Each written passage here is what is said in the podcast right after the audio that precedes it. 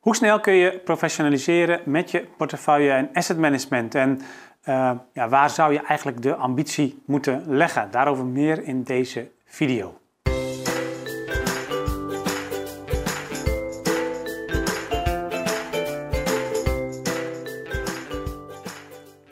Ja, op basis van het eh, onderzoek wat ik tussen 2017 en 2022 inmiddels alweer voor de zesde keer heb gedaan, uh, kan ik ook iets zeggen over ja, hoe snel gaat dat nu, die professionalisering van portefeuille en asset management bij een corporatie.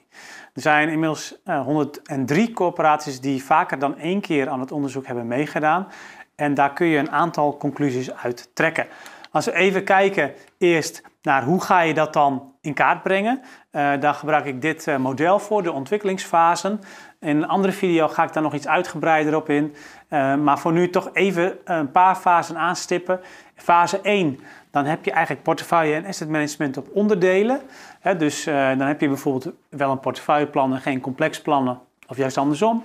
In fase 2 heb je dat allemaal wel compleet op papier. In fase 3 heb je ook de jaarcyclus dusdanig ingericht dat je voor elke begroting ook weer uh, actueel inzicht hebt in de opgaven uh, en ook je keuzes met betrekking tot je vastgoed.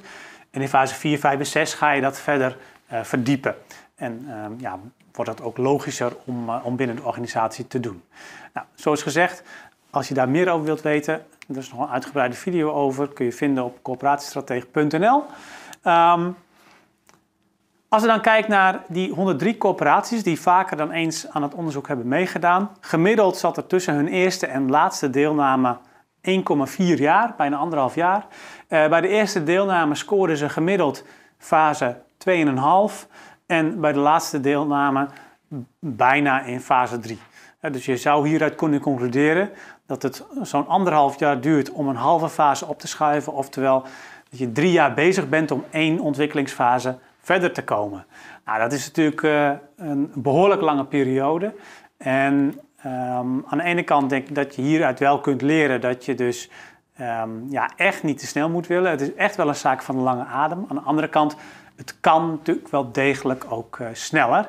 En dat zie je ook als je wat verder gaat inzoomen op uh, die 103 corporaties. Als ik dan kijk naar die 103 corporaties die vaker aan het onderzoek hebben meegedaan, dan is ongeveer 30% daarvan, iets meer dan 30%, die gaat er zelfs op achteruit bij de tweede keer dat ze het invullen.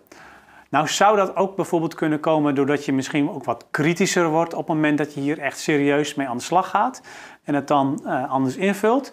Maar dan nog is dat natuurlijk best wel een grote uh, groep van corporaties. En mijn indruk is dat die, um, ja, dat die corporaties in ieder geval niet 100% serieus werken aan de professionalisering van het portefeuille en asset management. Datzelfde geldt eigenlijk ook wel een beetje voor um, deze langste uh, staaf, die, uh, waar de meeste corporaties dus tussen de nul en de kwart fase groeien. Hè, tussen de, eigenlijk is dit, dit is dan per jaar, hè, dus tussen die eerste en die laatste deelname groeien ze gemiddeld 0 tot een kwart fase uh, per jaar. Ja, dat, is natuurlijk, dat schiet natuurlijk nog niet echt op. En uh, het zou zomaar eens kunnen dat die corporaties daar ook niet per se um, heel intensief mee bezig zijn om dus ook echt op te schuiven. Als je echt gaat kijken van nou, waar zitten nou de corporaties die het het beste doen, uh, eh, 12% van de corporaties die slaagt erin om in die periode tussen de eerste en de laatste deelname per jaar um, minimaal één of meer ontwikkelingsfasen um, uh, ja, op te schuiven in de goede richting. En uh, zelfs zo'n 5% slaat zelfs uh, een fase over en gaat meteen twee fasen vooruit per jaar. Nou is dat denk ik wel heel optimistisch. Um, dan moet je echt wel alles op alles zetten. Maar je ziet hier dus dat er best wel grote spreiding is. En als je serieus met portefeuille en asset management aan de slag gaat, dan kun je best in een aantal jaren toch flinke sprongen maken. Nou, wat zou dan je ambitie moeten zijn? Um, ik zou zeggen, je minimale ambitie zou toch wel moeten zijn dat je in fase 3 uitkomt. Omdat als je in fase 3 uitkomt, dan kom je hieronder ook in die groene balk uh, terecht, waarbij het portefeuille en asset management echt in de jaarcyclus is opgenomen ook echt verankerd is in die jaarcyclus.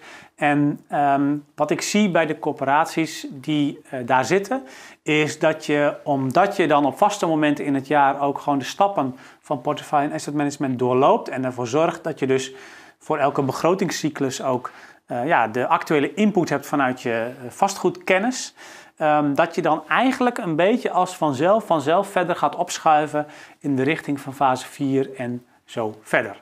Dus uh, ambitieniveau, ik zou zeggen minimaal fase 3. En als je in een ingewikkeld, um, ja, ingewikkeld werkgebied zit, waar echt elke woning raak moet zijn die je bouwt, en waar, of waar je, doordat je misschien beperkte financiële middelen hebt, nog beperkter dan gemiddeld, uh, dat je toch ook echt elke euro gewoon op een goede manier moet uitgeven, ja, dan zul je eigenlijk wel in fase 4 of misschien zelfs wel in fase 5 uh, moeten zitten.